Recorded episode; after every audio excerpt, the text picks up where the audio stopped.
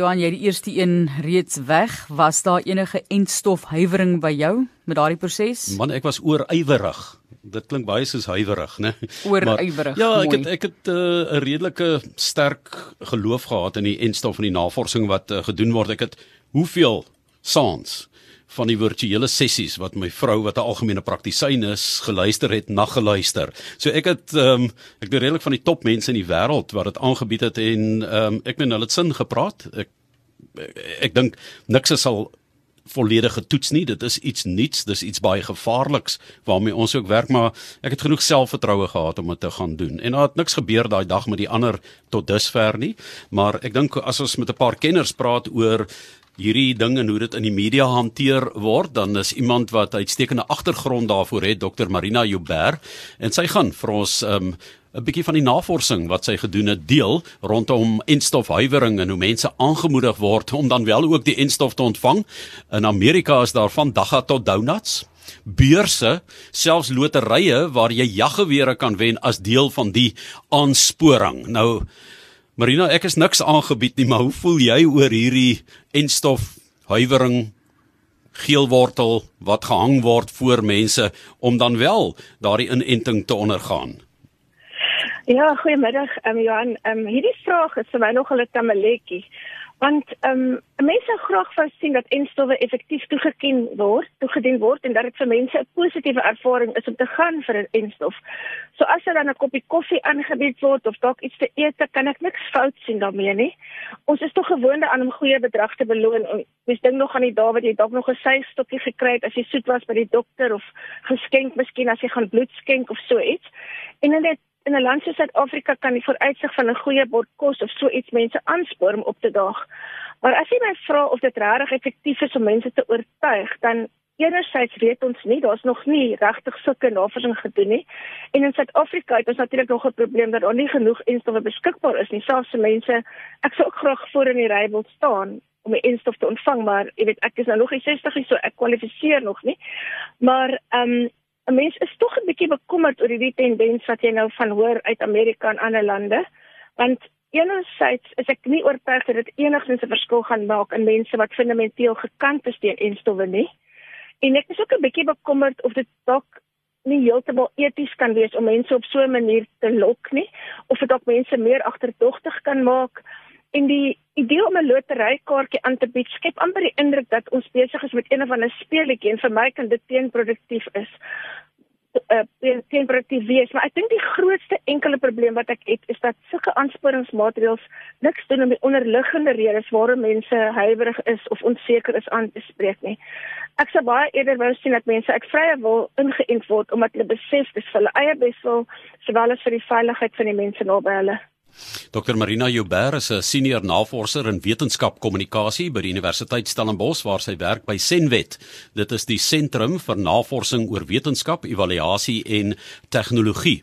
Nou wanneer 'n mens byvoorbeeld gaan bloed skenk, dan kry jy 'n heerlike koppie tee en 'n koekie. Uh, is daar iets daarmee verkeerd?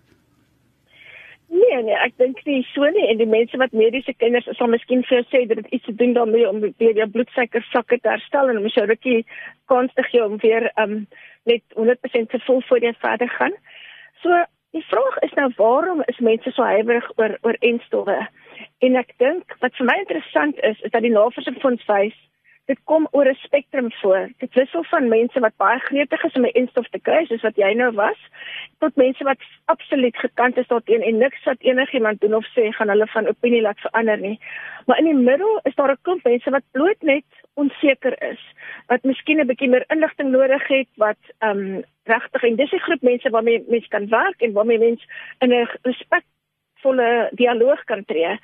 En ek dink dit is een van die belangrikste lesse wat ons uit navorsing geleer het. Want onthou vaksienhuiwering kom al 'n lang pad aan voor ons nog van COVID geweet het. Was mense huiwerig oor ander enstowwe ook. En wat ons wel weet wat nie werk nie, is om mense te konfronteer of hulle te beledig of hulle te verkleineer, want op daai manier gaan jy niemand oortuig nie. Wat wel werk is om rustig te probeer uitvind en te luister waarom mense onseker is en en te probeer om daai vrese en onsekerhede aan te spreek. 'n uh, Ander ding wat ook baie baie goed werk en ek dink ons kan gerus meer daarvan doen is om mense wat die publiek vertrou en mense wat die publiek van hou en hierso dink ek aan CP sterre, bekende rugby spelers, selfs radioomroepers. As jy sulke mense kan kry om met die publiek te deel dat hulle vir die inenting gegaan het, net soos wat jy nou net gedoen het en te vertel dat daar niks verkeerd of snaaks met hulle gebeur het nie, miskien oor lewe effekte maar niks ernstigs nie.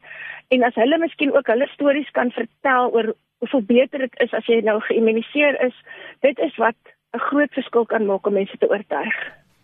Is ons skakel op RXG gesels gerus met ons van jou siening ook en wat ons gas dokter Marina Joubert nou daar sê. So om mense te benader om iets te doen wat hulle dalk huiwerig is om te doen wat jy weet volgens wetenskap vir hulle goed gaan wees.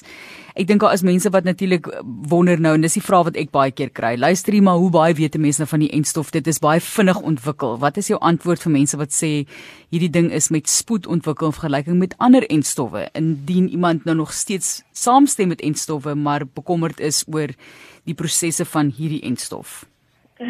Asseblief wat ek vir so iemand sou sê is ehm um, ja, dit is waar, die enstof is redelik onder druk ontwikkel. Daar was natuurlik rede daarvoor. Ons wil soveel as moontlik mense se lewens red. Ons wil so gou as moontlik mense help om terug te keer na 'n normale manier van lewe soos ons dit geken het voor Covid. En daarom is alles in die stryd gewaar. Dit het byna 'n bo menslike poging van 'n groot spanne wetenskaplikes en befondsers reg oor die wêreld geëis om so vinnig hierdie vaksin te ontwikkel. Maar mense moet onthou dat die werk wat hulle gedoen het gebaseer is op baie jare se navorsing wat reeds gedoen was oor enstowwe in die algemeen en koronavirus spesifiek. Hierdie virus wat aan die einde van ehm um, 2019 sy kop uitgesteek het was 'n novel coronavirus, is dit in Engels genoem, maar die familie van coronavirusse was reeds bekend aan wetenskaplikes. So hulle daarom nie van niks af begin nie. En die ander um, faktor wat ek miskien sou uitwys is hoe openlik en duidelik daar gekommunikeer word oor die veiligheid En as selfs net 'n paar mense, so 6 of 7 mense uit etlike miljoene enige neeweffekte toon, soos wat ons gesien het in Amerika gebeur het, word dit onmiddellik gestaak, daar word onmiddellik verder gekyk, daar word onmiddellik 'n um, verdere um, navorsing gedoen voordat die instofprogram hervat word. So ek dink mense moet mooi dink oor die relatiewe risiko En dit is 'n moeilike iets vir sommige mense om nou miskien hulle kop te kry rondom die idee. Wat is die risiko as ek nie die enstof neem nie? Versus wat is die risiko as ek wel die enstof neem? Want jy moet tog albei oorweeg. En daar is niks in die wêreld wat geen risiko het nie. Enige medikasie wat jy neem het 'n mate van risiko. Jy kan maar net kyk op die ingeskrewe pamflette op jou voorskrif medikasie. Dit wat is al die moontlike neeweffekte. Maar daardie neeweffekte uh, word dan gedokumenteer en word bestudeer in detail en jy moet dan vir jouself afvra as ek nie die enstof neem nie, wat is die implikasies daarvan vir my? En nie net vir jou alleen nie, want as jy nie die enstof kry nie, kan jy dit baie makliker sou jy die virus opdoen versprei na mense om jou en jy kan self ook baie ernstiger siek word as wat jy sou geword het indien jy wel ingeënt was. Ons gesels met Dr Marina Joubert, senior navorser in wetenskap en kommunikasie by die Universiteit Stellenbosch van Senwed, dis die sentrum vir navorsing oor wetenskap, evaluasie en tegnologie.